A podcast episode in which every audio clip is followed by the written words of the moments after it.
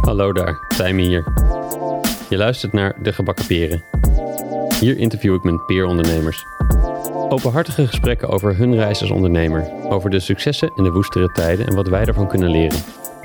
Maar juist ook over de persoon achter het bedrijf, over wat hun drijft en wat hun heeft gevormd en hoe het nu echt voor hen is om ondernemer te zijn. Of zoals de titel al zegt, wanneer zaten ze gebakken of wanneer zaten ze met de gebakken peren. Oké, dat is de enige en laatste keer dat ik die grap zal maken. Ondernemerschap is de beste school voor persoonlijke ontwikkeling, maar misschien kun je sommige lessen met minder schade en schande leren door slim te spieken, of in het geval van podcasts, af te luisteren. In deze aflevering is Suzanne Bekking te gast. Suzanne is medeoprichter van Husk Ceramics, een productiestudio van porselein. Alles is ambachtelijk en handgemaakt. Hun producten brengen plezier in dagelijks gebruik met een elegant en tijdloos design. In dit gesprek hebben we het over haar liefde voor het ambacht, de durf om te kiezen voor de moeilijke weg om als keramist ondernemer te worden, en over de keuze en het proces om samen te gaan met de partner in crime om samen de studio mee te draaien. Suzanne ademt echt haar ambacht. Hun producten zijn ook echt schitterend. Haar liefde voor het vak en het belang wat ze hecht aan het voorbestaan ervan is aanstekelijk. Dankjewel Suzanne voor dit kijkje in de keuken. Kleine noot, de podcast garden is verhuisd naar een nieuwe plek. Hoewel Ruben heeft lopen beuken om alles op tijd af te hebben, waren er toen we gingen opnemen ook nieuwe buren die net aan het boren waren. In het begin hoor je dus op de achtergrond wat boorgeluid. Hopelijk is het niet storend. Het is gelukkig vrij snel over. Veel plezier met luisteren. Hier is Suzanne. Welkom Suzanne. Dankjewel. Welkom bij de Gebakken Peer. In de nieuwe podcast garden. Alles is hier nog nieuw. Er wordt zelfs nog geboord om ons heen. Althans, ik hoop dat ze nu gestopt zijn. Ehm, leuk dat je er bent. Dapper dat je helemaal hierheen wilde komen. Ja, dankjewel dat ik mocht komen. Fijn. Het was een barre tocht. in onze winterkou. Ja.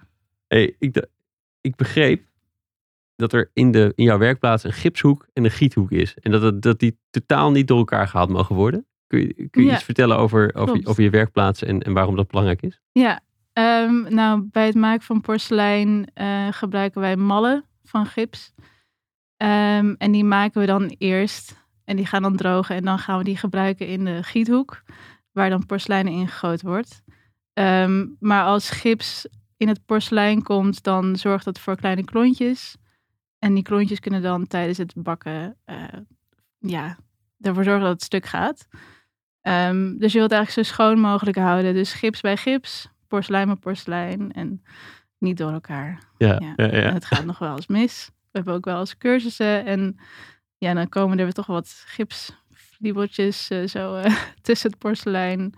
Ja, goed schoonhouden. We hadden het hiervoor al over koken en de, de analogie met, met, met porselein. Een klontje in de pannenkoeken kan, kunnen natuurlijk ook niet. Dus het is toch, het is toch hetzelfde. Hoe ben jij met keramiek in, in aanraking gekomen?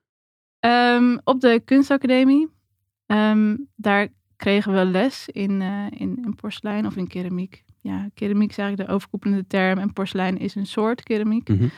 Ehm, we hebben geleerd om mallen te maken op de kunstacademie en die te gebruiken om mee te gieten.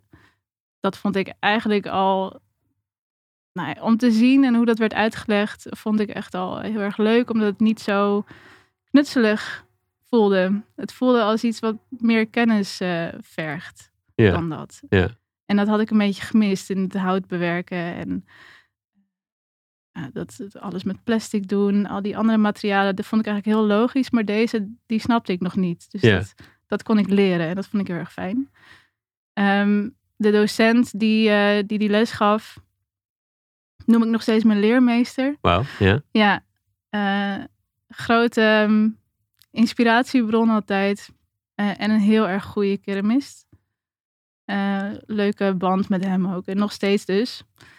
Hij heeft me daar, geloof twee jaar of zo lesgegeven.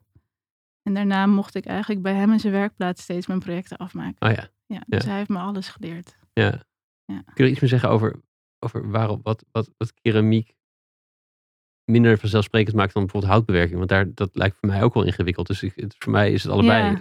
eh, Nou ja, keramiek, eh, op de manier waarop, waarop wij het doen is, ehm, je werkt eigenlijk achterstevoren. Dus je, je bedenkt een eindproduct. Ja. Eh, maar voordat je daar kunt komen, moet je al die stappen die daarvoor zitten ook bedenken. Ja. En de eerste stap die je dan eigenlijk zet is het model maken. En daarna maak je een mal. Ehm, maar als het dus nog tijdens het proces verkeerd gaat met het gieten, En dan moet je eigenlijk weer opnieuw beginnen. Dus dan ga je weer terug naar je model en je mal. Ja. En bij houtbewerken maak je een ontwerp. Dan weet je welke hout je wil gebruiken. En dan natuurlijk kun je dan tussendoor nog steeds fouten maken en dat dan moeten verbeteren. Maar je hebt gewoon heel duidelijk al dat staan. En dan moet je misschien één deel vervangen. Ja. Maar bij het gieten van, van porselein kan je het allemaal weer weggooien en ga je dus weer helemaal opnieuw beginnen. Helemaal opnieuw. Achteraf Ja. weet je pas of alles gewerkt heeft. Hele plan. Ja, en dan ja. ook, stel dat het dan in het laatste stapje kan er ook nog iets fout gaan, waardoor je weer helemaal opnieuw moet beginnen. Dit doet me op een gekke manier denken aan, aan, aan code schrijven, wat ik op mijn studie wel eens moest. Hm. Eh, ik studeerde natuurkunde. Dat, de luisteraars, dit komt al, elke aflevering terug volgens mij. Dus luisteraars worden er gek van. Maar eh, daar deden we ook wel veel programmeervakken, zeker in het begin. Eh, dat, je, dat je dan een lab code had. En dat je ergens een punt komma verkeerd had gezet. En dat je, dat, dat je dan maar op render moest drukken. En dat het dan ging die het doen of niet. Maar dat, hoor, dat hoorde je een uur later of het gewerkt had. En dat je, Ah ja, en oh, nee, toch niet. Oké, nou, zoeken naar de punt komma die je vergeten bent. En de, of Ja. het haakje wat veel of te weinig was. En dat, ehm, ja, dat lijkt er inderdaad wel, eh, wel op. Ja. en, maar het is wel grappig. Ik vond dat dus rete frustrerend. Eh, en, en dit was geen, hier zat geen toekomst voor mij in, zeg maar. Ehm, eh, maar jij bent er wel in doorgegaan. Ehm, wat, wat trok je daar zo Nou, het gaat natuurlijk niet altijd fout. Gelukkig? ja. En ja, je leert ook al best wel snel wat dat materiaal dus eigenlijk allemaal doet in dat proces. Dus ook in het stoken of tijdens het stookproces. Doordat je het dan zo vaak al hebt geprobeerd, ga je het materiaal leren begrijpen. Ja. En dan kun je het ook voor de volgende keer een beetje beter inschatten. Voorspellen wat het doet qua vorm en eh, of het gaat vervormen en hoe dan en of dat erg is. Ehm, ja, dus je, je leert juist de hele tijd. Je wordt er beter in. En dat vind ik ook wel heel erg leuk Ja. daaraan. Ja, dus je bent ook in, in de leer gegaan. Beetje zoals eh, de, de, de oude artisan een, een leermeester en een, Ja, een, een apprentice. Nou, hij heeft zichzelf nooit mijn leermeester genoemd, maar dat, dat vind, ik, vind ik hem wel. Ehm, Tegen wil en dank. Ja. Eh, ja, en nog steeds, eh, als ik dus iets niet weet of en, wij, wij ge- gebruiken pigmenten voor de kleur, als ik er niet uitkom of als er iets misgaat met het stoken, want soms dan kunnen er allemaal, er kan echt van alles misgaan, een hoop. Eh, en ik herken de fout niet, dan bel ik hem. Ja. Of dan stuur ik hem een foto. Of zelfs andersom komt het ook al voor. Ja, leuk. Dat is heel leuk. Dat vind ik ook wel een compliment. Ja. Dan, eh, ja, dan krijg ik wel eens de vraag, Suzanne, heb jij dit al een keer geprobeerd? Want ik weet het niet. Ja. Had je, had je voordat je ging studeren, wa- wa- waren dit soort ehm, ambachten al in jouw leven? Of eh, op een andere manier? Mm, ik heb nooit echt gekleid. Ik hoor, ik hoor wel eens eh, andere keramisten daarover dat ze dan als kind al heel veel met klei deden. Maar dat heb ik nooit echt gedaan. Nee, dat is, dat is misschien de, het klassieke voorbeeld van, dat is gewoon de, de, de, de kinderversie is klei en de volwassen versie is keramiek, zeg maar. Mhm. Eh, maar andere dingen waarbij het heel ging, ging over esthetiek en iets maken zo? Ja, ik tekende heel veel. Ja. Ehm, ja, eigenlijk van alles inderdaad aan knutselen en eh, armbandjes maken. Mijn moeder maakte ook wel kleding. Dat ging dan ook wel, daar ging ik dan bij kijken. Ja. Ook voor mij natuurlijk. Dus dan, ja, dat- dus het hele maakproces eh, en, en creëren, dat gebeurde thuis en Ja. vroeger ook al wel. Ja. Ja, ja, ja. Waar ben je opgegroeid? Bodegraven, Bodegraven, ja, ja. ken je dat? Ja. Niet, niet ja, om, als ik er doorheen fiets. Of, mijn eerste keer was toen ik vroeger een baantje had en dat ik eh, bij middelbare scholieren kaarten ging verkopen aan de deur voor goede doelen. En ik reed hier rond. En zo reden we ook een keer naar Bodegraven. Dus ik, ik kende vooral de, de kaart van inmiddels 15 jaar geleden eh eh, ken ik redelijk goed. Van Ja. al, die, al die plaatsjes om Utrecht heen. Hm. Want zo ging dat. Maar Bodegraven, ja. Ja, zover is het niet van Utrecht. Nee, klopt. Nee. Nee, en op de fiets is het eh leuk weer een fiets. Dus ook. Ja. Ehm, de racefiets weliswaar. De, de stadsfiets zou ik niet proberen. Nee. Nee. Maar hoe, hoe was dat, hoe, hoe was Bodegraven? Mm, ja, doet me niet zoveel eigenlijk. Het was eh, prima. Ik heb daar eh, ja, mijn jeugd doorgebracht. En ik ging naar Utrecht toen ik 18 was. Ja. En ik heb in Gouda op de middelbare school gezeten. Ja. Dus mijn, ehm ja, mijn tienerjaren... Ik was niet echt iemand die uitging of die veel vrienden had. Eh, nee, dus het- dat, zijn eigenlijk, dat is eigenlijk een periode waar ik niet zoveel... ehm, ja, naar terugkijken of zo. Nee. Nee. nee. Hoe, hoe, hoe, was het besluit om voor de kunstacademie te gaan? Hoe, hoe is dat gekomen? Ja, het was heel leuk. ja, ja, ja, Ik, achteraf. ja, maar hoe, hoe, nee, maar hoe, toen hoe, ook al. Ehm, nou, ik zat op een eh Katgraag gymnasium in Gouda. Eh, en eigenlijk werd ik daar heel erg de universiteit kant op geduwd. Ja, Eh, dus ik dacht dat dat ook gewoon de bedoeling was. Dus ik ben gaan kijken in, eh, in Utrecht, in Leiden, naar studies ja, die me wel leken te liggen, maar ik had er eigenlijk niet zo'n zin in. Ja. Dus ik ben naar, naar Engels gaan kijken en een hogere hotelschool leek me ook wel leuk. Ehm, totdat mijn eh, CKV-docent eh, op school zei, maar je kunt ook naar de kunstacademie. En ik dacht alleen maar dat daar geschilderd werd. En dat, ja, dat kon, ik- kon ik al. ja, dat hoef ik niet te leren, zei ik. Eh, maar toen zei zij, je kunt daar ook leren ontwerpen. Je kan daar fotografie studeren. Je kunt mode ontwerpen. Je kunt eh, grafisch ontwerpen. Ja. Ga nou maar gewoon kijken. Dus toen ben ik naar Utrecht eh, gegaan, naar de HKU, om te kijken. Ja. En dat vond ik echt fantastisch. Ja. Ik voelde me daar zo al op mijn plek op zo'n open dag. En ik ben ook in Arnhem gaan kijken en eh, Eindhoven.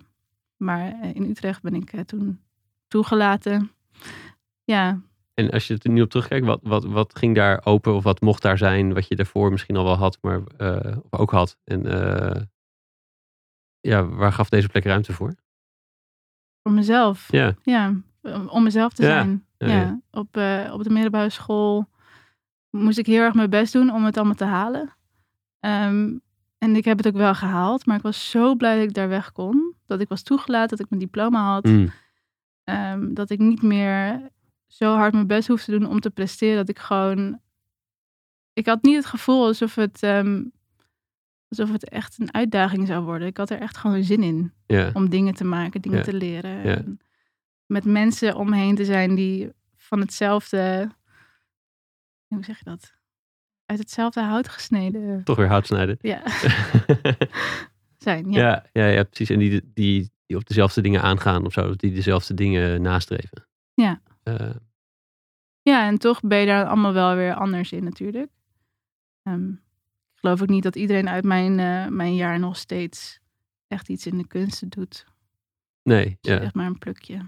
Nee, dat is, dat, ja, is ook niet een, eh, een vergeefsgezinde discipline of zo. Mhm. Eh, ja, makkelijk daarna ook je hele leven iets in kan doen. nee. Best, wel, best wel heftige business. Ja. Ehm, ja, het is, het is grappig. Ik herken wel in de zin, wat ik op de middelbare school nooit ervaarde, is dat je daar eh, mocht nerden en slim mocht zijn. Mhm. Ehm, terwijl het toch op school zijn is eigenlijk. Maar zou je zeggen dat het dan mag. Maar bij natuurkunde, eh nou, een hoop, eh, wel ook een hoop koude kermissen. Maar nou, als er iets daar verhemeld wordt, is dat je de, de slimste die wint, zeg maar. Zo. Ehm, dat, ik herken een beetje van, je mag daar aangaan op de interesses die je, Ja. die je hebt, zeg maar. Ehm, ja. Even terug naar die leermeester. Wat, wat, wat voor dingen eh, over hoe jij nu keren, jouw stijl als keramist, zeg maar, heb je, heb je daar meegekregen? Eigenlijk is het atelier een kleine versie van zijn atelier. Oh ja? Dus alles wat daar staat aan meubels, apparatuur, eh, dat is eigenlijk allemaal ehm, ja, eh, gekopieerd van, van hem. Dus de werkbanken zijn hetzelfde. En ehm, ja, ik werk eigenlijk op dezelfde manier, denk ik. Dus de stappen die ik doorloop, die zijn hetzelfde als hoe hij dat doet. Ja. Ehm, ja. Ja, zo denk ik. Ehm, ik kom te, heb je, in, ja, het is- misschien zegt het meer over mij, maar de, de, de neiging om dan zelf te gaan experimenteren, ander, iets anders te doen, heb je Als in een ander materiaal gebruiken? anders, of- ja, ander proces, andere, andere eh, opstelling of andere. Nee, ik geloof dat ik wel, ehm, wel hou van deze manier. Eh, ik ben ook niet zo goed in experimenteren. Huh. Nee, daar kwam ik op de kunstacademie al achter. Ik, ehm, ik wil graag een opdracht en die voer ik uit. En ik kan daarin dan wel bedenken wat alle mogelijkheden zouden kunnen zijn. Maar als iemand zegt, doe maar wat. Ja, Ja, dat lukt me niet. nee, dat is ook een hele moeilijke vraag. Doe maar ja, wat. probeer dit materiaal maar even uit. En dan kom maar volgende week met zoveel eh, testjes. Ja, dat vind ik echt onzin. Nee, het is geen duidelijke succes vooraf bepaald. Wat, wanneer is het goed dan? Nou, ja. Wat wil je dat ik nastreef hier? Ja. Mm. En, En is het in, in je, je smaak of je smaak in stijl? Komt het ook van hem of is dat... Is dat Nee, nee, daar zijn we wel. Nou, ik vind wat hij maakt heel mooi als een vrije werk. Daar, Mhm. daar geniet ik echt wel van. Ehm, en de dingen die ik zelf maak. eh, kijk, het materiaal is heel erg hetzelfde. En hij heeft me ook zijn manier geleerd. Dus de manier waarop wij eh, het materiaal gebruiken en kleur gebruiken, bijvoorbeeld. Ehm, en dat, dat in het materiaal eh, stoppen. dat is ook wat hij doet. Ja. Dus in die zin eh, lijkt het wel op elkaar, maar wij, zie, wij gebruiken een andere vormentaal dan Ja. hij. Eh, vormentaal? ja. ja, snap je dat? Nee? Ehm, het is letterlijk, nou ja, een taal van vormen, dus een soort van familie in vormen. Ja. Eh, en hij, kan, hij kan juist heel goed experimenteren en wat, wat vrijer denken. Mhm. En bij mij gaat het vooral om functie. Ja. Eh, en dan niet per se dat het echt functioneel moet zijn, maar dat het comfortabel is. Eh, dus dat het, bij mij zie je veel ronde vormen. Ehm, en dat het stapelbaar is.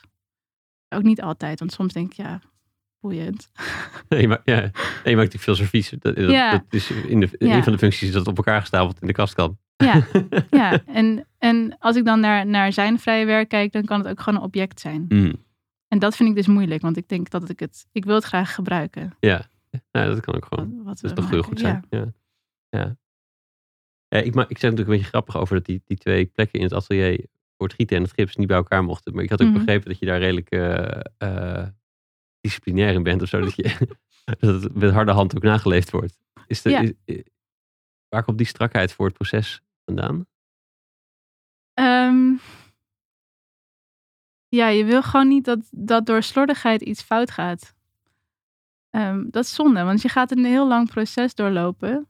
Van begin tot eind kan iets al twee weken duren. Dus voordat je echt een kopje hebt, ben je Ja. twee weken verder. Ehm, en als je dan eigenlijk weet dat je iets niet moet doen en dat je het netjes moet houden, omdat je dan anders je, je materiaal eh, ja, vies maakt. eh, of niet zoals je het echt wil. Ja. Ja, dat is gewoon, dat is gewoon zonde. Want het, is daarna ook niet meer terug te draaien. Dus je hebt een, je hebt een versteend stuk klei. En het kan niet meer opnieuw gebruikt worden. Dus is, ja, als je dan al weet dat het helpt om het schoon te houden. En ja, doe dat dan maar gewoon. Ja, ja. Beetje Ja. spannend erover praten zelfs. Nee, dus het is alles wat je, wat je zelf in de hand kan houden om het niet... Het is al moeilijk genoeg, zeg maar, zonder. En, eh, dus Ja. dat hou je liever zelf in de hand dan of zo. Ja. Ja, ja grappig. Hey, wanneer ben jij gestart om werk te verkopen? Mm, dat begon op de afstudeerexpositie. Ja. Ja. Heb ik alles verkocht. alles verkocht? Ja.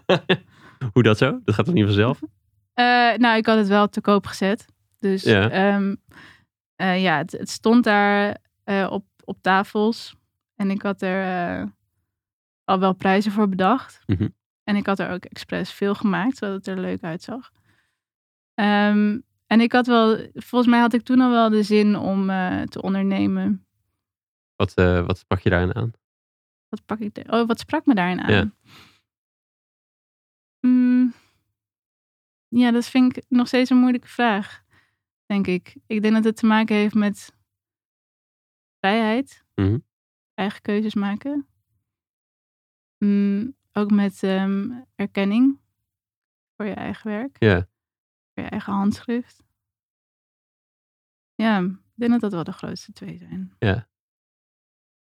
Ja, dus, dus schappenvrijheid is wel een grappige, want je, je hebt het en over best wel strakke regels over, hè, als hij is zo ingericht. eh, Mhm. we zijn heel strak op, op, op, eh, dat, op, net niet, op de discipline om het schoon te houden. En je kiest een hoek uit die, waarbij het heel duur is om het maken. Het kost twee weken voordat je een kopje hebt.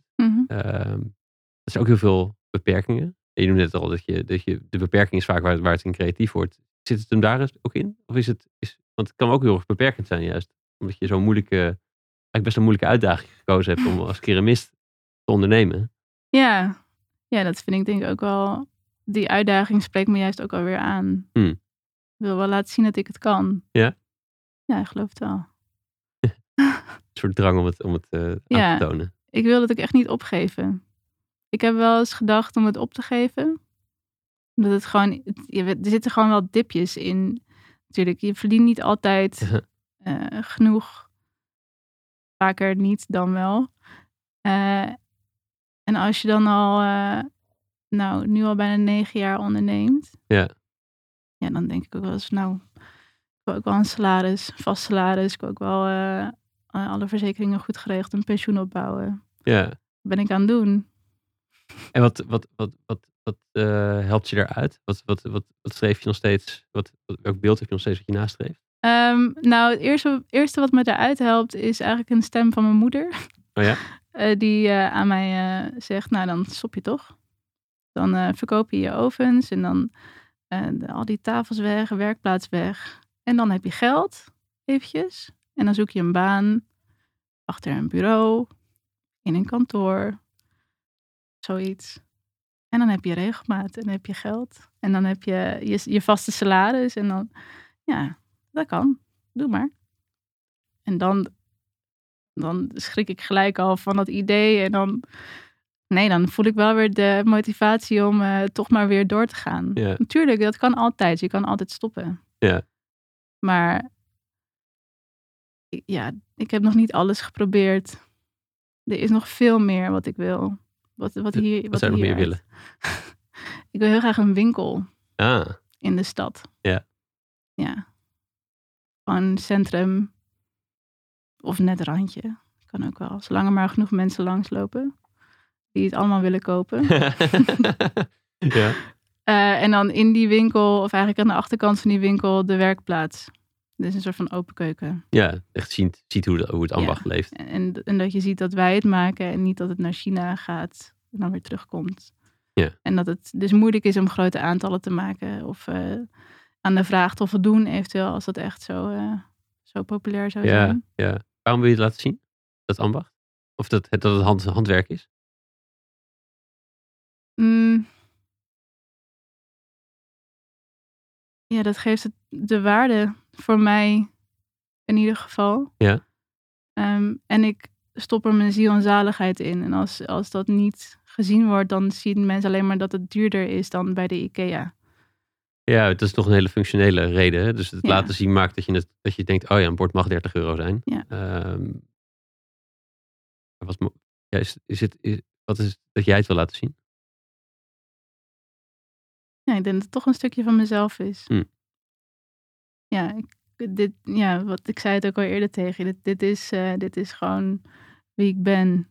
Wat, dit is mijn leven. Ja. Is onderdeel. Ja. Dit, ja, dit, dit adem ik. Ja, Dus ik, stel dat die winkel er zou zijn zonder werkplaats. En die werkplaats ergens anders zou zijn. En die winkel die verkoopt die spullen. Met mooie foto's van het proces of zoiets. Dat zou toch anders zijn. Dan voel ik me toch wel. Dan zou ik me eh, niet per se onderdeel van het, van het product voelen. Dat het niet van mij is. Of zo. omdat het verkoopproces uit handen losgeknipt Ja, is van het maakproces. Ja, Ja. mooi. Ja, ik, ik, ik, in, zei, ik, het niet heel vriendelijk. Nou, ik weet niet, maar ik ben, ik ben zelf ook altijd wel fan van dat soort enorme of, eh, ambacht. Dus van die filmpjes van die eh, oude Japanse printpressen. Die, de laatste die er dan nog is, zeg maar. Weet je, dat soort, Hm. Dat en die dat de generaties al doen. En de laatste Ja. generatie dreigt eraan te komen. En zulke, ik kan daar helemaal, eh, ik kan daar eindeloos naar kijken, zeg maar. En alle tijd die erin gaat. En ook alle kennis die er al in is gegaan. En ja, die nog steeds Ja. leeft. Ja, dat is mooi. Ja. ja of de, de sushi-chef die eerst eh, 30 jaar je re- reis moet maken voordat hij klaar is voor de volgende stap, Ja. zeg maar. Ja, precies. Ja. Ehm, heb je ook horen zeggen dat keramiek meedogenloos is? Ja. Wat, bedoel je daarmee? Ehm, nou, vooral porselein is meedogenloos. Ehm, dat, ehm, dat, dat ligt heel erg aan, eh, aan het materiaal porselein. Eh, dit, is- dit is een stukje wat ik altijd vertel bij een workshop of een cursus. eh, om uit te leggen wat porselein is. Dus keramiek is de overkoepelende term van al die soorten klei die tot steen gebakken kunnen worden. Ja. En de meest bekende zijn dan porselein en aardewerk en steengoed. Ehm terracotta is er ook eentje, maar is eigenlijk een steengoedsoort. Maar dat herken je dus allemaal wel. Je hebt het allemaal thuis. Ehm, En als je het van heel dichtbij zou bekijken, dan zie je dat porselein een ronde korrel heeft. En aardewerk en steengoed zijn hoekig. Oké. Dus dat betekent ook dat in het krimpproces die deeltjes van porselein veel dichter tot elkaar kunnen krimpen. Dan die van aardewerk en steengoed. Ja, oké. Ja. Snap je nog? Ja. Ehm, maar dat betekent ook dat door die ronde korrel, als je daar, stel je hebt iets gegoten, je haalt het uit de mal en je tikt er per ongeluk tegenaan en je wil daarna weer, weer recht eh, duwen, Ja. dat gaat dus niet. Dat materiaal onthoudt dat. Ja. Die spanning heb je aangepast. Dus je giet het en dat geeft dan een spanning mee in het materiaal, waardoor die in de vorm blijft. Eh, als je die spanning dus verandert, dan zit daar zo'n breuk in en dan zal het nooit meer eh, worden zoals je het eigenlijk hebt gegoten. Beetje de olifant van de, die onthoudt alles, zeg maar, de, de oude Rolo reclame. ja, precies. Voor altijd zal hij het onthouden. Nee, dat zie je dus uiteindelijk aan het einde van het hele proces. Dus dan heb je het eh, al gestookt. En dan haal je het uit de oven en zie je dat kleine deukje zie je toch weer niet zo sterk als dat hij misschien is geweest. Maar je ziet altijd die vervorming. ja. Eh, en dat maakt het meedogenloos. Dus je, met al je macht probeer je dat goed te maken. Dus het kan ook in een vorm van plakken zijn. Of ehm, ja, dat je toch een soort van... Ja, je doet in ieder geval heel erg je best om iets heel mooi te maken. En uiteindelijk heeft het iets onthouden waardoor het toch niet mooi is geworden. Maar dan kom nou even niet op die, op die Japanse techniek om de barsten juist te accentueren met goud. Ja, dat, kintsugi heet ja, dat. Ja, Ja. kintsugi. Maar Ja. dat gebeurt pas dan inderdaad als het al helemaal klaar is en eh, ge- Zeker, door, is. door levensslijtage, Ja. het leven accentueren van het, van het kopje eigenlijk. Ja. Ehm, maar het is niet, het is niet helemaal hetzelfde, maar het om- omarmt in ieder geval de imperfectie een beetje. Mhm. Eh, maar dat, dat gaat er niet in, geloof ik, bij jou. Nou, op zich gaat het er bij mij wel in, maar we werken zoveel in opdracht. ehm, dat eigenlijk de visie van een opdrachtgever wat meer ervoor heeft gezorgd dat ik eigenlijk aan het begin dan al denk, nou, die gaat dan weer terug de bak in. Ja. Die ga ik niet eens, eh, niet eens eh, verder door het proces halen. Terwijl ik het zelf niet erg vind als iets eh, laat zien dat het een bepaalde stap van het proces Mm, ja, misschien niet zo goed heeft overleefd. Ja. Of dat er een, een glazuurdruiper is of zoiets. Vind ik niet zo erg. glazuurdruiper, klinkt als een, als een, als een karakter uit Ja. een boek. Ehm, de rode paraplu. Ja, Ik, ik kwam op je website tegen. Kun je, Ja. kun je eh, iets meer vertellen over daarover? ja, we gebruiken dus de paraplu als logo Uh-huh. in, eh, in al onze eigen werk in ieder geval. Vaak ook wel in het werk van, eh, voor een opdrachtgever, verstoppen het ergens. Ehm, dat parapluutje, dat komt ehm, inderdaad vanuit het boek De Paraplu. Dat is een prentboek. En dat heb ik ooit gekregen van een vriend. En daarbij kreeg ik ook een paraplu. En in dat boek, ehm, dat boek vertelt een verhaal over een hond. In mijn ogen dan, want er staan geen woorden bij. Maar eh, over een hond die zich niet goed voelt, zich verveelt, alleen voelt. En die gaat naar, eh, naar de buurvrouw, de kat. En de kat die geeft hem een paraplu, een rode paraplu. eh, en doet de deur weer dicht. En de hond die trekt die paraplu open en die wordt door de wind meegevoerd naar allemaal mooie plekken.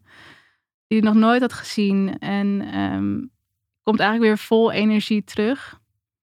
En geeft dan die paraplu weer terug aan de kat. Dus ik kreeg dat boek eh, van een vriend en eh, die paraplu ook. En een kaartje erbij met daarop de tekst. Trek de paraplu maar open en laat hem nooit meer los. Oftewel, ga het avontuur aan. Dat vond ik een hele mooie boodschap. In welke fase kwam dit boek eh, bij je? Eh, voordat ik voor mezelf begon. Ja. Maar het is nooit, die paraplu is, heeft altijd, heeft zo'n indruk op me gemaakt. Die boodschap in ieder geval. Ja. Ik ben die paraplu helaas kwijt. Nee. Ja, is jammer. Ah. Misschien is die te hard weggewaaid. Ik weet het Ik niet. hoop dat na, na afloop van deze uitzending allemaal mensen rode paraplu's voor de deur gaan bezorgen. dat zou wel leuk zijn. ja. Maar dus met dat parapluutje die we dan overal instempelen, geef ik. Ja, is het het idee dat we, dat we iedereen eh, een parapluutje meegeven? ja. Om zo de wereld eh, op, avontuur, Ja. op avontuur te gaan. Ja, of, of jezelf avontuurlijk genoeg te voelen om te doen wat je eigenlijk zou willen. Ja. Ja. Is er, is er iets, wat is jouw paraplu als je, als je naast de stem van je moeder, die het tegendeel eigenlijk is misschien, maar de, die, als je weer, oh nee, niet, eh, waarom lukt het niet gewoon? Wat is nu jouw paraplu? Mm. Nou, ik denk dat ik wel wat, wat vergevingsgezinder ben geworden. Dus, eh, dus- dus ik mag wat meer fouten maken. Hmm. En dan gewoon opnieuw beginnen of eh, het goed vinden zoals het gaat. En dat is niet alleen in het maakproces van, van het porselein. Nee. Nee. Ook, ook in. Het persoonlijke leven, gewoon, ja, hoe, ik, hoe ik nu, eh, ja, mijn leven leef. Ja. Ja. ja. Ehm, Dat antwoord op je vraag? eh, het is een heel generiek antwoord op een Ja. vraag. ja. Ik weet niet zo goed. Ehm, maar bijvoorbeeld in het ondernemende leven. Ehm, dus iets vergevensgezinder dat het, eh, je zegt negen jaar kan best wel als een lange tijd voelen. Eh, Mhm. dan, dan komt het tien jaar eraan of zo. Weet ik, misschien. Ehm, Nou, het is bijna negen jaar. Dus de tien jaar je hebt nog duurt even. Ja, ja. ja. Maar dat je iets vergevensgezinder in dat het wat, dat wat, wat bijvoorbeeld in het ondernemen nog niet gaat zoals je wil. Ja, nou ja, juist in, eh, in de, alle opdrachten die, die ik en in mijn eentje heb gedaan, maar ook nu samen met Simone, ehm, gaan er gewoon niet altijd, het gaat niet altijd alles goed. Dus het- zoals dat materiaal eh, wat, wat tegen kan werken. Of misschien, en daardoor misschien een deadline verschuift. Ja. Eh, of iets niet maakt zoals we het zouden willen, maar nog steeds functioneert. Ja, Ehm, ik denk dat ik veel beter ben geworden in aangeven dat ik maar zoveel kan. En eh, dat is best veel, denk Ja. ik. Ehm, en dat komt ook echt wel door Simone. En dat is echt wel een fijne toevoeging, zeg maar. Of ja, daar vult ze me dus supergoed in aan. ja, Want voorheen, toen ik alleen werkte, ging ik echt nachten door om het maar zo perfect mogelijk te krijgen voor iemand. Ja. En dan gaf ik ook zelf wel aan eh, wat ik misschien niet mooi vond aan een, eh, ja, aan iets, eh, zeg maar, aan het resultaat. Ja, en dan geef je iemand eigenlijk voer om steeds maar op die details te gaan zitten. Terwijl, is je eigen kritiek was. ja, En dat geeft voer. dat is echt niet handig. En nu kan ik dus wel zeggen, nou ja, dit is wat ik kan. Of dit is wat, wat, wat we kunnen doen voor je. Eh, en deze fouten die gaan gewoon voorkomen. Dus misschien moet je een andere kleur kiezen of een andere vorm. Of ja, ja. we gaan niet eh, ons in bochten wringen om dat voor jou zo perfect te maken. Nee, soms wordt het ook simpelweg een budgetkwestie. Voor de eerste zoveel duizend Ja. krijg je dit. Voor de zoveel. Ja. En we kunnen meer revisies en meer uitsluiten als Ja, we met meer, met meer En- budget. Verder dan dit kunnen we nu even niet. Ja, dus de, de kunde van de, van de ambachtsvrouw zit hem dan in de in wat kun je voor dit budget. Niet zozeer het eindresultaat, want je kan alles met onbeperkt budget, bij Ja. spreken. En je wil het ook heel graag. En dat is een beetje, beetje je valkuil. Ja. Bij mij in ieder geval. Ja, ja. Ja. daar, ben je niet alleen in volgens mij. Ik zie, ik zie dat vaker, dat het inderdaad, eh, zeker in het begin, als je eh, echt klanten niet durft teleurstellen, eh, gekoppeld met je eigen drang om het ook gewoon mooi te maken, Mhm. is het heel moeilijk om te zeggen, ja sorry, dit, je, je, je hebt me geld gegeven voor zoveel tijd. Ik ben nu al drie nachten te veel door, eh, het is klaar. Ja, en dat is inderdaad dat is echt heel moeilijk. Hoe ging dat de eerste jaren? Heel slecht. of nou voor de klanten heel goed waarschijnlijk. Ehm, nee, ik heb mezelf echt wel ehm voorbij gelopen toen. Hmm. Ja, of en sowieso was ik niet goed in, eh, in een, een budget bepalen of een prijs bepalen. Dus dan gaf ik heel veel dingen eigenlijk voor veel te weinig eh, mee. Ehm, ook omdat ik dacht, nou, dat, ik moet het opbouwen. Dus ik moet een soort van bekendheid gaan krijgen. En ik moet laten zien wat ik kan. Dus de eerste jaren wil ik wat goedkoper werken dan die daarop volgen. Ehm, maar ik ben ook altijd slecht geweest in, eh, in inschatten hoe lang iets duurt. Dus dan zei ik, nou, ik kan het wel binnen een week, eh, kan ik wel dit doen. En dan zat ik zo vol met allemaal andere dingen. En dan ja, kwamen er toch weer meer vragen van iemand anders. Nou, dus die week die haalde ik dan nooit. En dan begon ik altijd eh, excuses eh, te bedenken. Waarom weet ik ook niet. Bang om, eh, om eerlijk te zijn, denk ik. Om toe te geven dat ik het niet goed had ingeschat. Ja, Ehm, ja, die fout heb ik vaak gemaakt. Ja. het, is bijna, het is bijna ironisch. Want het- het- als je denkt aan de winkel waar je het maakproces mag zien. En mag zien hoe ingewikkeld het is. En juist dat aangeven. Dus dat je dat, en dat misschien een klant in die tijd het ook wel wat mooi had gevonden. Van ja, het is wat je vraagt. Het is gewoon echt, echt maatwerk. Super moeilijk. Ja, Dus je krijgt iets super moeilijks in handen zometeen. Ja. Maar de, de, in één week is het me niet gelukt.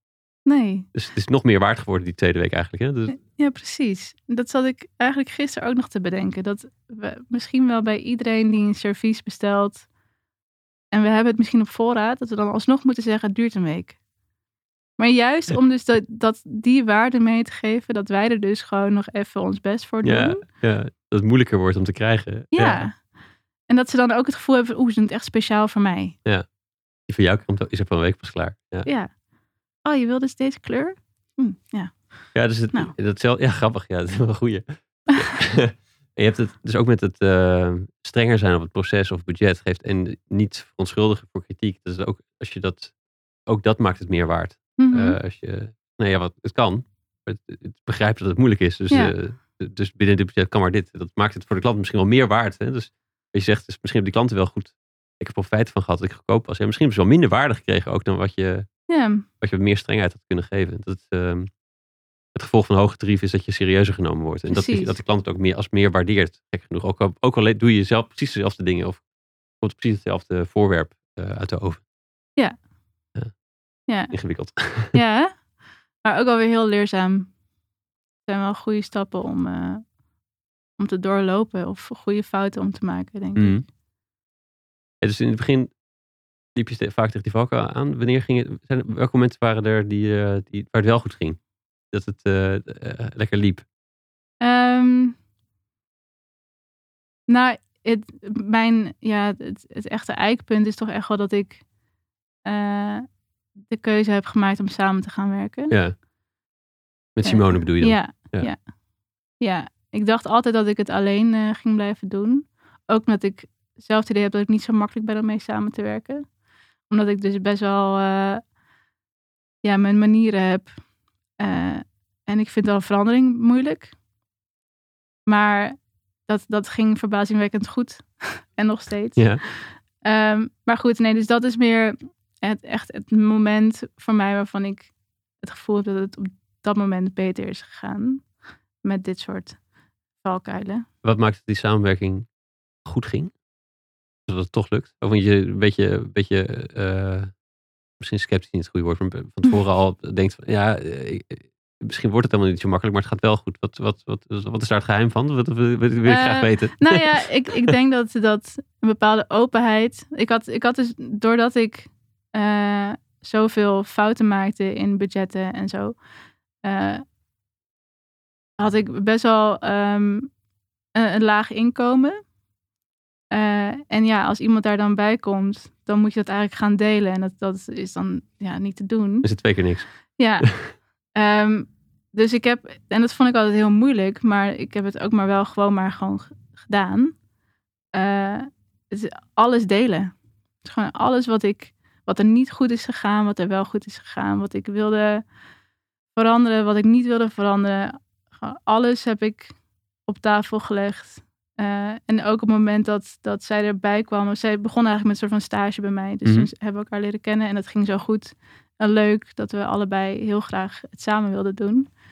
Dus heb ik haar dat gevraagd en dat was echt Ja, leuk. Ja, dat was heel leuk. mooi. En, en Ehm, wat maakt dat je dat durfde, die transparantie? Ik denk dat ik voelde dat ik het nodig had. Dat ik vastliep Ja, zelf. ja. Ja, het was me ook te veel. Ik had het best wel, best wel druk, geloof ik. Ehm, en ik had sowieso altijd wel extra handen nodig. Dus ik had altijd een, een, een stageplek. Ehm, en ik merkte gewoon dat doordat zij eh, op dezelfde manier dingen zag, dus ook gewoon de, de esthetiek, eh, maar ook eh, wat, wat je eigenlijk zou willen van een klant of van een opdrachtgever. En dat, het, ja, dat matchte zo goed. Ik dacht, oh, dit is eigenlijk heel lekker om te De kunnen... perfecte klant die zij voor ogen had, was ook, dat, daar Ja. herkende jij je ook in. Ja, jouw klant ook in. in Ja, de, of als je hebt dan dezelfde smaak qua wat je wil opleveren. Ja, en ook als je dan bijvoorbeeld, als we een opmerking kregen van iemand over iets wat niet, niet helemaal goed was gelukt of zo, dan zei ze, ja, wat een zeikert. Helemaal, dat, dat kan toch niet anders? Nee, we dus gaan dat- toch dit proces door? En, dus dat was precies wat ik altijd dacht, maar niet durfde te zeggen en zo. En zij zei het gewoon. Ze Ja. Nee, maar je hebt gewoon, kom op, je moet even... En fijn om samen te- over, over te kunnen, kunnen mopperen of zo. Ja, ja, en te- ook gewoon te kunnen sparren over dingen van, nou, zal ik... eh, zal ik die opdracht wel of niet zo eh, aanpakken? En nou, dat werd dan uiteindelijk zo fijn om dat elke keer te doen met haar. eh, dat we dat gewoon, dat ik die knoop inderdaad heb doorgehakt. Ja, dus, je, ja, dus de noodzaak en, de, en, de, en zien, op bepaalde elementen zien dat, het, dat, je, dat je er hetzelfde in staat. Ja. Heb je eh, nu, nu iets verder wetende, eh, er nog dingen bijgekomen waarvan je denkt, oké, dat, dat is wel belangrijk, dat echt, dat echt matcht tussen twee partners? Ehm, ik denk dat het belangrijk is dat je allebei je eigen kwaliteiten eh, hebt en ook behoudt. Zo. Mhm. Dus dat je niet, ja, dat je die bij elkaar erkent. En ja, dus dat ik kan bij haar, eh, bij haar zie ik dat zij heel goed is met organiseren, met communicatie. Mm, open zijn, eerlijk naar een klant toe zijn. En ik ben in haar ogen degene die alles weet over het materiaal.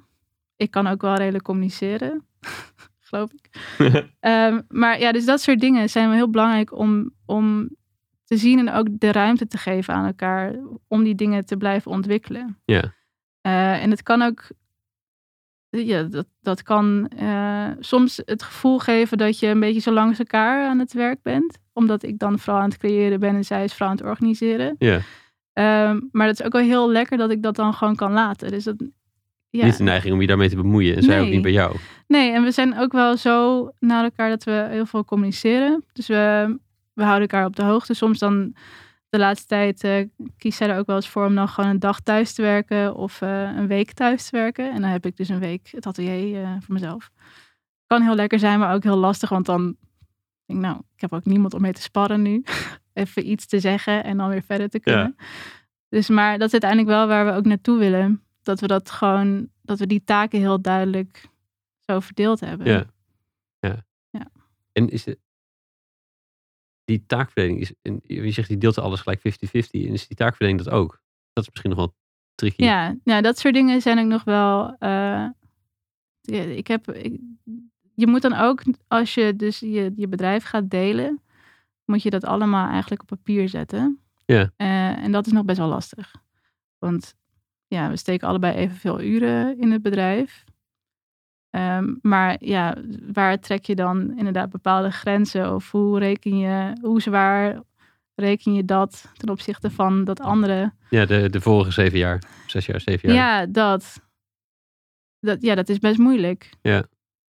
Eh, maar dat zijn wel belangrijke dingen. En die hebben we nog steeds niet, eh, niet helemaal geregeld. Ehm, maar daar zijn we wel mee bezig hoor. Ook met terugwerkende kracht. En we doen, proberen het echt nu allemaal officieel helemaal goed te doen. En niet... In de VOF. Hm? In, de, V- in de VOF. Ja, ja, we zitten nu in een VOF. Eh, en dan misschien moet dat naar een BV ooit. Als we een winkel eh, willen openen. Eh, maar goed, ja, dat zijn dingen die we wel echt serieus nemen. Ja. Nee, het, het is wel is wel belangrijk dat je allebei ook de, een rol krijgt die, die, die even belangrijk is als de ander. Dat je, dat je gelijk blijft en zo. Ja. Ja. kan best wel snel wringen. Dus, ik heb denk ik een, een, een handjevol aan, eh, aan de samenwerking bij het ergens een keertje toch weer misgaat. En Hm. dat het is super ingewikkeld om dat helemaal, helemaal te fine-tunen. Ja, Eh, ja nou wat we wel goed, eh, wat we eh, nou goed kunnen, is dat soort dingen ook bespreken. ja. En dat is, dat is heel fijn dat we er niet mee zitten. Of dat het onduidelijk is misschien over hoe de ander erin staat. Of Ja. hoe ik er zelf in sta. Of, ja. Fijn. Ja, maar dat zijn ook wel dingen die, die je dan natuurlijk aan het begin niet helemaal verwacht. Of eh, daar denk je dan nog niet over na. Je, je doet eigenlijk gewoon wat je gevoel je ingeeft. En dan wordt het ook wel heel officieel. En dan ga je inderdaad samen naar de KVK. En dan ga je, oh ja, nou, dan zijn we nu in VOF. En dan, ja, hoe ga je het dan met je salaris doen? En Mhm. eh, hoe werkt dat dan? En nou, het is een hoop, hoop eh, om, om, ja, om te leren. Ja, ja. Ja. Ja, En misschien moet ik jullie over een jaar nog maar eens vragen hoe het gaat. Maar de, Ja. ehm, eh, zijn, er- zijn er nu al dingen die, je die je iemand die dit overweegt zou aanraden? Mhm. Ik zou het sowieso doen. Eh, te- van alleen eh, eh, ondernemen naar samen ja, zou ik doen. onder welke, ja, onder welke condities? Of in welke gevallen geldt dat? Nou, als je, als je echt merkt dat, dat iemand anders jou kan aanvullen in dingen die, eh, die wel moeten bijvoorbeeld, maar die gewoon niet liggen. Ja. Die je niet leuk vindt eh, en die de ander juist wel heel leuk vindt. En de ander zoekt dan iemand die iets doet eh, wat die dan weer niet zo goed kan, wel te gek vindt. Dat is een beetje hoe het bij ons is gegaan. Ja. Eh, ja, dat is, ja, ik zou echt, dat is zo fijn om niet alles in je eigen hoofd te hebben, maar dat je dat gewoon kunt delen. Ja, precies. precies. Ja. Dat is een beetje het, doel hier ook. Dus het- door, dat jij dat deelt, hopelijk heeft iemand anders het gevoel, zonder dat hij een partner hoeft te hebben, maar dat hij dat eh, via jou een beetje krijgt. Ja. ik dacht altijd dat, ik, dat het stoerder zou zijn als ik alles in mijn eentje zou doen. Ja. Maar ja, dan, dan raak je wel op hoor, denk ik. Ja. ja, of in ieder geval, ja, dat is een goed risico voor je. Sommige, sommige, ja, sommige ondernemerschapstypes le- lenen zich daar meer voor dan anderen misschien. Hè? Hmm. Dus het, ehm, eh, de, de, de, de programmeur die ingehuurd wordt voor een klus, dat, dat kan soms makkelijker alleen Ja. dan. En hoe ver ligt het, het, het, het, eh, het zakelijke aspect af van het, het ambacht van de zelfstandige die je, die je hebt, of de, de freelancer heeft als specialisme. Mhm. Ehm, sommige dingen kunnen heel goed alleen. Een copywriter kan heel goed alleen. bij van spreken. Ehm, maar je, omdat je producten maakt, heb je al gauw zo'n bepaalde schaal nodig. Bepaalde, om, om, om, je maakt ook je producten en je, hebt de, en je bent de kennis, degene met de kennis. Maar je verkoopt niet je uren Ja. op die manier. Ja, precies. Misschien is het dan wel extra belangrijk. Zeg ik, denk ik hardop. Weet ik nog niet. Daar ga ik verder over ik snap nadenken. je wel. Ja. Ehm, je hebt best wel op, ook op snel gewoon na de studie dacht, ik ga ondernemen. Is dat, maar dat is ook nog, mm, misschien vond je het risico niet zo groot, of de liefde was heel groot, maar je hebt ook best wel dappere stappen gezet met, dan moet ik wel een studio hebben ergens en daar een oven in zetten. Dat is zonder oven geen keramiek. En eh, ja. ehm, hoe, is dat, hoe is dat gegaan? Ehm, tijdens de, het laatste jaar van de opleiding ben ik al gaan zoeken naar een ruimte. Ik weet eigenlijk niet zo goed waarom, maar ja, ik voelde die drang heel erg. Je Eh, had ook nog bij de vierde HKU ook nog een ruimte kunnen hebben. Of in dat jaar nog kunnen gebruiken. eh, ja, dat wel. Ja, de werkplaatsen daar. Ja, Ehm, maar daar zat ik sowieso niet zoveel, omdat ik dan eh, bij eh, Frans zat. Ja, zijn werkplaats was gewoon veel schoner, wat dus heel belangrijk is. Is dat iets wat je in vervolgwerkplekken ook nog... eh, ik begreep dat je eerst je werkplek deelde. Ja. Een paar keer. Dat dat een, eh, een dingetje werd. Nou, eh, toen was het vooral de ruimte die, die opbraakte. En wat er toen ook wel zo was, is dat iedereen een beetje op een ander tempo aan het groeien was. En ik merkte al snel dat, dat ik iets voorliep op de rest. Ehm, en Qua inderdaad, bedoel je dan? Qua hoeveel, hoeveel klanten je hebt. Ja. En, en, ja, en ja. hoe vaak je daar dan aanwezig bent en eh, van de ehm, machines gebruik moet maken en eh, hoeveel ruimte je eigenlijk inneemt en zo. Ja, dus ik had wel al sneller wat meer ruimte nodig. Maar ook dat, dat is ook zo'n moment geweest waarvan ik ook dacht, nou, ik ga gewoon naar een grotere ruimte. Ongeacht wat het, hoeveel meer het kost. Het komt wel vast wel goed. Ja, waar komt dat? Hoe, hoezo? Ja, weet ik niet. En dat, achteraf gezien, of als ik dat nu zou doen. Ja, nu zou ik echt wel wat beter nadenken. Ook omdat ik die verantwoordelijkheid heb nu voor twee. Zo voelt het in ieder geval. Ehm, ik ga niet Simone meeslepen in een soort van eh, ja, wild idee van mij. We moeten daar wel samen, eh, in, eh, ja, samen die keuze in maken. Ja. En toen was ik natuurlijk alleen en dacht ik, nou, kan het in ieder geval proberen. En als het niet goed gaat, dan ga ik naar een kleinere ruimte. Of ehm, stop ik ermee of doe ik het niet. Of ik verzin wel iets. Ik vond het zo, zo vloeibaar allemaal. Vloeibaar? Ja, zo een soort van flexibel. Of ik dacht, nou, ja, ik moet gewoon in ieder geval een stap zetten. En dan eh, zie ik wel wat daarna komt. Ja, maar dat, dat, dat, vind, ik, dat vind ik nog best wel bijzonder vertrouwen. Ja, ik weet dat, ik ook. nee, ik had Marie Angela, die was hier een paar weken geleden te gast. Die, terwijl wij praten, eh, eh, eh, die aflevering online. Ehm, maar zij vertelde over het sprookje van hoe haar ouders elkaar ontmoet hadden. Het, verhaal, de, hoe dat gebeurd is. En dat, dat, is een, beetje een maf verhaal. Of in ieder geval door, tegen heel veel, hele kleine kans dat dat slaagt. Of dat dat kan. En dat gebeurde toch. En dat, dat is in die familie dat een bepaalde maakbaarheid van de wereld doordrengt. Want zij leven dat. En dat, eh, en het verhaal komt zo vaak terug. En voor hun is het dus compleet normaal. Dus als je iets bedenkt, dat je dat dan gewoon kan maken. Hm. En dat, dat als je, het, het is er dus te gaan. Eh, Ja. maar eh, heel veel mensen zien misschien wel wat er mis is. Of wat er zou kunnen zijn. Maar vertrouwen om dat dan te denken. Oké, het enige wat er tussen ons in staat is dat ik het even doe. Dat, dat, dat, dat, dat is niet altijd niet gegeven. Dus ik, ben, ik vind het wel Ja. interessant dat je denkt, nou, een grote studio. Het kan gebeuren. Ik ga maar gewoon. Ja. Ja. Ehm, ik heb dat toen inderdaad in het laatste jaar van de studie ben ik gaan kijken naar. eh, nou, het was eigenlijk meer dat, dat er een klasgenoot van mij die begon over de vechtclub en dat vond ik zo'n gekke naam. En ik snapte ook niet ja. waarom ik dan een studio zou willen. Of, maar na een tijdje daarover nagedacht te hebben, ben ik toch geïnteresseerd geraakt en heb ik ze benaderd. Eh bleek helemaal geen eh, vechtclub te zijn, maar gewoon het pand heette de vechtclub. Dus dat was, had niks met vechten te maken. Nee, overvecht. Ja, de precies. vecht. Ja. Ja. en ehm, ja, dit pand waar we dus nu in zitten is dan eh, het tweede pand wat ze hebben opgeknapt. Eh, en toen ik daar kwam kijken was ik 21. Eh, de jongste die kwam kijken ook. En daar hoorde ik achteraf. Eh, en toen was het pand eigenlijk nog één grote lege ruimte. En daar wezen ze dan aan de hand van tapejes die ze hadden gespannen, wezen ze dan de toekomstige ruimtes aan. Nou, Suzanne, jij bent geïnteresseerd in deze ruimte. En nou, hier komt dit en jullie komen hier. En nou, dat, ja, dat vond ik zo cool ook, maar ook heel raar. Ik dacht, nou, dat is goed. ik zie het wel. Ik wilde het afgezet, het Ja. stukje tape wel. Eh, en toen eh, was ik bij eh, wat, wat ontwerpers eh, ingedeeld. En die zeiden uiteindelijk, nou, dat lijkt me helemaal niet handig. Want jij maakt heel veel stof waarschijnlijk en wij niet. Eh dat is niet goed voor de computers. Dus ik denk dat je iemand anders moet zoeken. En toen was ik eigenlijk een beetje bang dat het niet meer door kon gaan. Omdat ik dus eigenlijk een ruimte moest betalen die ik niet kon betalen. Dus ben ik op zoek gegaan naar mensen met wie ik het kon delen. En die vond ik uiteindelijk. Ehm, maar die wilde pas erbij als er nog iemand bij kwam. En die laatste wilde er pas bij als er nog iemand bij kwam. Dus toen waren we ineens met z'n vieren. Eh, wel gelukt dus.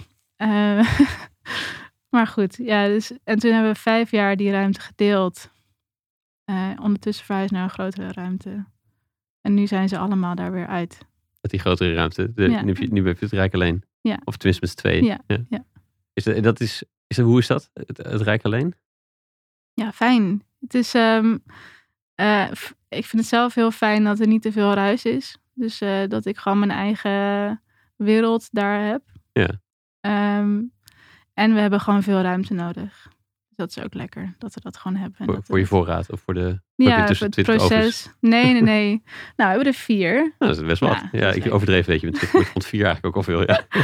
Eh, nee, maar je hebt gewoon veel ruimte nodig om te kunnen lopen. En ja, eigenlijk alle handelingen vragen om, eh, om ruimte. Dus Ja. het is niet volgepropt met, eh, met mallen en, eh, en porselein. Nee, het is vooral ook loopruimte. Ja. En, en lucht en licht. Dat is ook wel fijn. Ja, we hebben er wel een fijne werkplek van gemaakt. mooi. Zo. Ja. Ja. Ik moet een keertje het raampje spieken daar, geloof ik. ja, moet je doen. Je mag ook wel binnenkomen. Ah, gelukkig. Ehm, dat, dat, dat principiële, dat vasthouden aan iets, zit, is, zit dat, is dat toch iets wat je ook wel eens in de weg zit eigenlijk? Dat, dat, het, ehm, dat een eigenschap die ook een schaduwkant heeft. Het, het, ik, heb een, ik heb een heel duidelijk beeld van wat het moet zijn. Ja, ja dat, dat, dat is niet altijd handig, nee. Mm, nou, ik ben ook niet zo, eh, zo ontzettend. eh, ben, ja. hm. Wacht even, ik moet hier even over nadenken. Ehm, nou, het is. Ik denk in de, in de manier van werken en eh soort van de eh, eh, continuïteit van de resultaten is het wel heel fijn, denk ik, om bepaalde dingen gewoon op een bepaalde manier te doen. Eh, maar het geeft ook wel eens inderdaad wat minder opening tot nieuwe ideeën of nieuwe manieren. Eh, en dat, ja, dat is ook niet altijd. Dat, dat, dat, dat, kan ook juist wel leuk zijn als je daar wat meer voor open staat, Ja. denk ik. Hmm. Ehm, en ja, ik vind het dus heel moeilijk om eh, dingen te veranderen. Dus toen Simone, toen we echt samen eh, ja, aan de slag gingen, ehm, hebben we heel erg opgeruimd, bijvoorbeeld. En toen kwam ik allemaal eh, leuke projecten van eh, acht jaar geleden tegen. Ja, en dat vind ik dan toch moeilijk om erover na te denken of het nog echt iets waard is of niet. Of het weg mag of uit het zicht of wat, wat doe je daarmee. Ja, dan loop ik helemaal vast. ik denk, ja, dat, dat hoort gewoon hier te zijn. Dat, dat, doe maar, sla maar op of zo. Doe maar in een, ja, in een doos. Dus als jullie ooit die winkel hebben in de stad met werkplaats daar, dan zit, zit, die, zit die ruimte in de vechtclub zit er nog steeds. Want er staan alle oude projecten. nou ja, we hebben dus wel best wel wat weggedaan. Omdat zij dan ook dat een beetje aan me heeft geleerd. Dat het niet echt nodig is om alles te bewaren. Mm, maar ja, dat, dat is wel, vond ik wel moeilijk. Kan ik nu wat beter. Ja. Ja. Hey, als, die, als die winkel er over vijf jaar moet zijn, wat is daarvoor nodig? Geld. Wat is er eigenlijk nodig? Ehm, nou, ik denk dat we vooral eh, een leuk pand willen. Wat groot genoeg is om dat allemaal eh, ja, te kunnen faciliteren. Mm. En ik denk dat we nog, wat we, wat we eigenlijk nog moeten doen is, wat we nu ook al waar we mee bezig zijn, is uh, meer onze afzetmarkt vergroten. Mhm. Dus we hebben nu de webshop online sinds een paar weken. En ja, dat loopt natuurlijk nog geen, nou, het loopt nog geen storm. Natuurlijk moet ik er niet bij zeggen.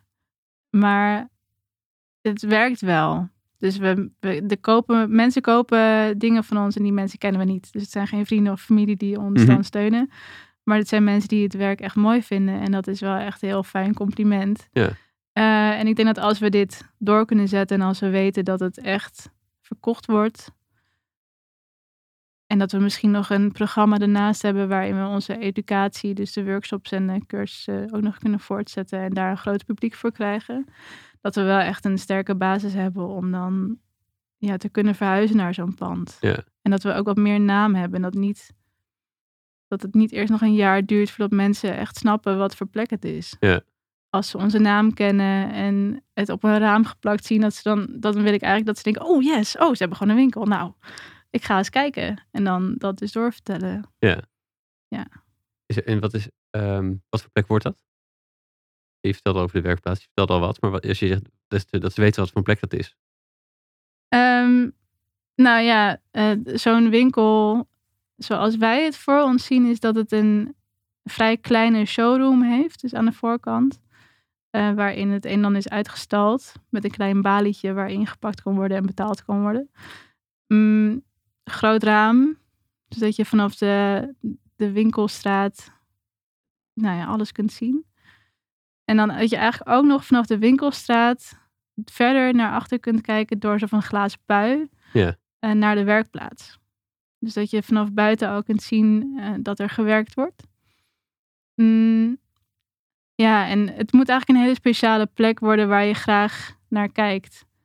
Even, even naar binnen loopt om te zien wat ze eigenlijk aan het doen zijn daarachter. En oh, is dit dan... Oké, dus zij maakt dat kopje wat ik hier nu zie staan.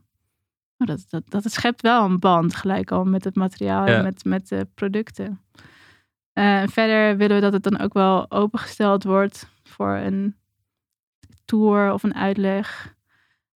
Stel dat iemand eh, echt geïnteresseerd is in het kopen van een servies bijvoorbeeld. Dat we dan zegt, nou, wil je even komen kijken? en dat ze zich dan ook vereerd voelen of speciaal voelen. Omdat ze de werkplaats in mogen, zoiets. En je, je Ja. haalt je ogen op, maar de, Ja. de werkplaats. Maar dat, dat is natuurlijk ook Ja, bijzonder. Ja. Ja. Wat, wat, wat is het eh, hogere doel daarvan? Waarom is dit belangrijk? Mm. Nou, ik hoef niet per se heel, eh, heel rijk te worden of heel bekend. Ehm, ik denk dat het gewoon een heel lekker gevoel gaat geven als, als mensen het zien en er ook blij van worden. Lekker gevoel? Ja, ik, ik geef graag. eh, ik weet niet, ik heb het idee dat het, dat het. Ja, dat het gewaardeerd wordt als ik iets laat zien of iets vertel. Het is alsof je een soort van ge- geheimpje vertelt.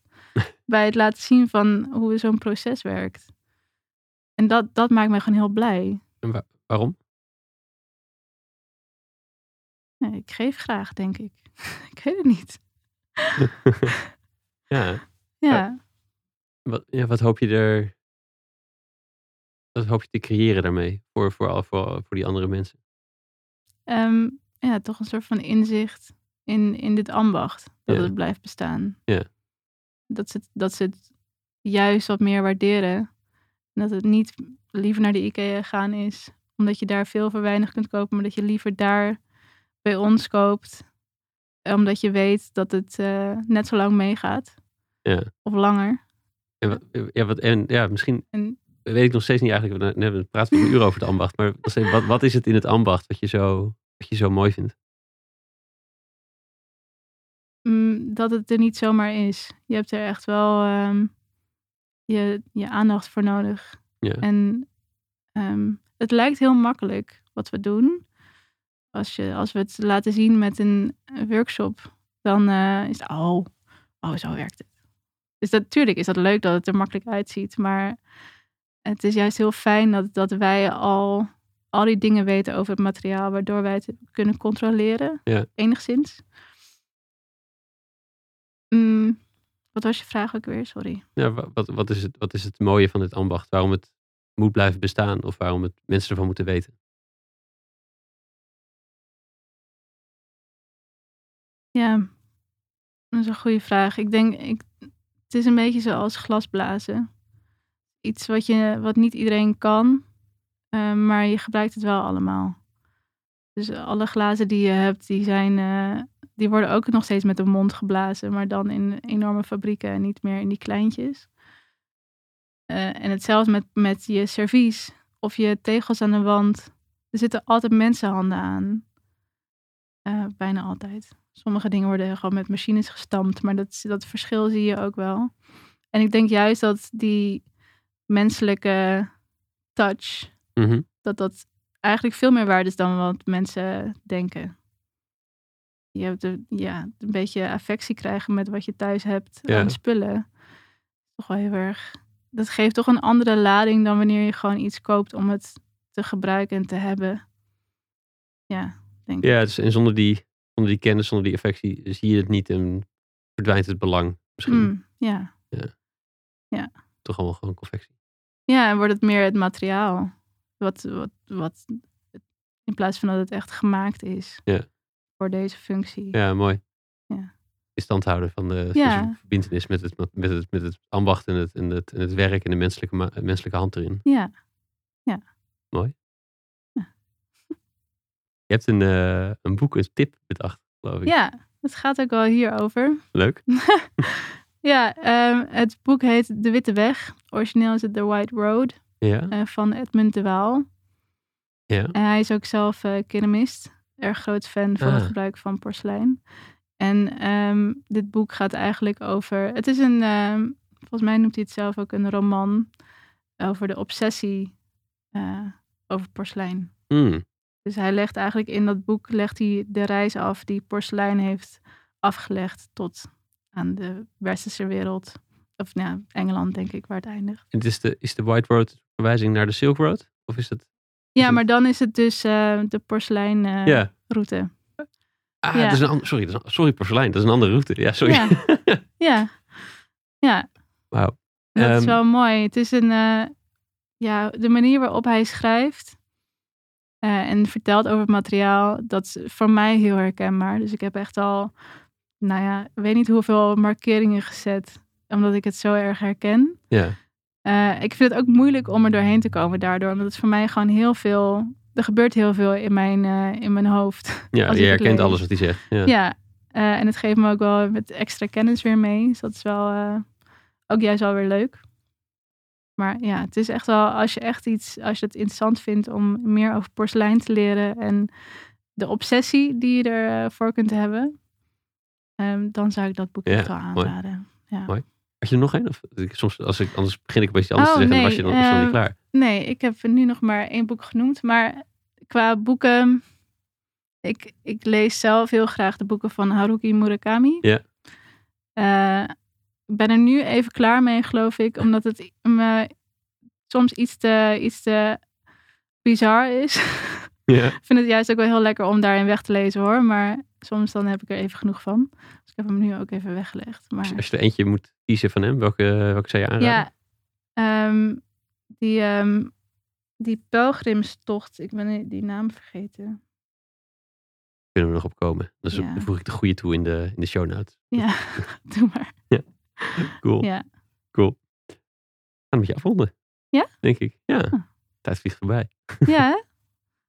Ehm, dankjewel voor dit, dit kijkje in de keuken in, in, in, in keramiek en porselein. En ook, uh, en ook, de, ook het ondernemerschap. En, en dank je wel voor het stand houden van dit, dit mooie ambacht. en het, om mensen naar kennis laten maken. Ik vind dat een groot goed. Ja, Dankjewel. fijn. Ja. Nou, graag gedaan. En ik eh, doe mijn best om het nog heel lang te doen. Is er iemand maken. die, ehm, die, ehm, die, waar jij aan verbonden zou willen worden? Of die je zou willen leren kennen? Of een perfecte klant? Dat vraag ik aan iedereen. En dat het, Hmm.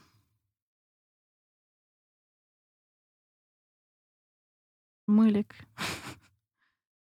Ehm, iemand met een mooi pandje in de binnenstad misschien? nou ja, dat zou leuk zijn. Ja. Nee, ik, ik kan niet iemand specifiek noemen. Ik heb hier ook al thuis over nagedacht. Mhm. Maar ehm, nee, ik zou ook heel graag willen lesgeven. Oh. Dat is, dat is een andere droom. Ja, niet per se over porselein, Oh ja. maar gewoon eh, ja, op de academie. eh. ja. Dus de HKU, luister je mee? nou, Ja, ja mooi. ja. Ehm, en dus ceramics, ceramics.com. Ja. .nl. .com. .com. .com, hè? Ja, .nl brengt je ook naar .com. Ah, dus dat eh, alles gaat goed. worden allemaal... de webshop. ja, Goed voor wie wat wil. Dus wat wil je porselein van, van welke kwaliteit? Zeg maar, wat, wie moet naar je toe? Je hebt mensen hebben net het hele verhaal gehoord over, over het maken en zo. Maar de, voor wie is het perfect? Ehm, mm, eigenlijk voor iedereen, zou ik zeggen. Ehm, het is, wij ontwerpen wel op echt comfort. Dus het is fijn om te gebruiken. De kleuren zijn niet te schreeuwerig. Het is eh, iets wat je lang wil hebben. Dus tijdloos. Mooi. Ja, Nou, je hoort het. Dankjewel. Ehm graag gedaan. zijn we doorheen. Zou je, zou jij op de, de knop kunnen drukken? Dan zijn we klaar. Ja, dat was hem alweer. Dankjewel voor het luisteren. Wil je zeker weten dat je de volgende aflevering ook vindt? Abonneer je dan op de podcast. Je weet hoe dat werkt in de app die je gebruikt. Weet ook dat ik van alle afleveringen uitgebreide show notes met de lessen en de links uit het interview maak. Deze vind je op www.studiogeorge.nl slash podcast. En ik ben heel benieuwd hoe je het gesprek vond. Waar kon je geen genoeg van krijgen of waar zou je meer van willen horen tijdens de gesprekken? E-mail me op tijmen.studiogeorge.nl Als laatste, na elk interview werk ik één inzicht uit in een korte blog. Die stuur ik met liefde naar je inbox, gepaard met wat links die me inspireerden die week. Meld je aan voor dit Espresso Shot strategie op www.studiogeorge.nl slash shots of strategy. Allemaal aan elkaar. Heb een goede dag en tot de volgende.